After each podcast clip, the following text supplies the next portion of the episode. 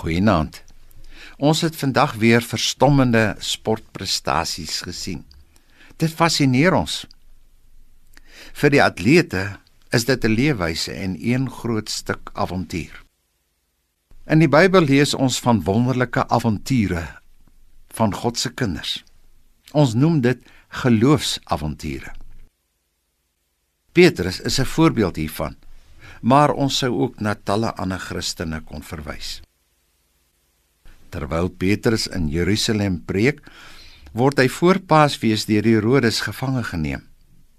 Ons lees daarvan in Handelinge 12 vers 1 tot 19.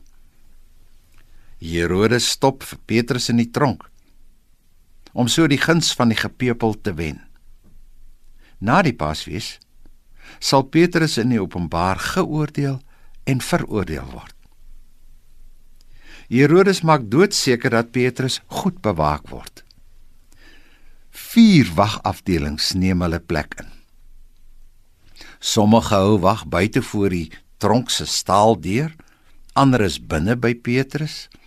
Petrus se hande word geboei, hy slaap in sy tronkklere tussen twee wagte. Herodes het ons al 'n paar keer met ons Here se mag te doen gekry. Enige iets is moontlik. Daarom maak hy vierdubbel seker. Daardie nag kom 'n engel van die Here. Maak Petrus saggies wakker tussen die wagte en bevry sy hande. Petrus trek dan sy eie klere aan en skoene en mantel. Dan stap hy saam met die engel uit ongesiens. Die staaldeure gaan van self voor hulle oop. Buite na 'n paar straatblokke groet die engel vir Petrus. Petrus gaan na die gemeente in die huis van Maria, ma van Markus Johannes. Van hier vertrek Petrus verder om met die verkondiging van Christus voort te gaan. Herodes is die volgende dag verleë en hy laat die twee selwagte doodmaak.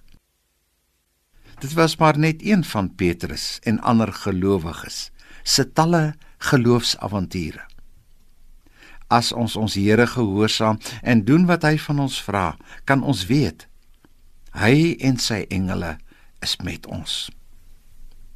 Van hoeveel geloofsavonture kan ek en jy vandag getuig? Ons dade lyk soms gering, maar onthou, dis saad wat op God se saailand val. Baie van ons dade as sade ontkiem en skiet wortel, groei en dra vrugte. So word die blye evangelie van die een na die ander versprei.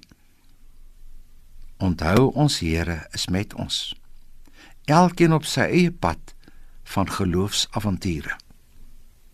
Vader, gee ons die moed en krag om te doen wat ons moet doen, wetende dat U en U engele by ons is.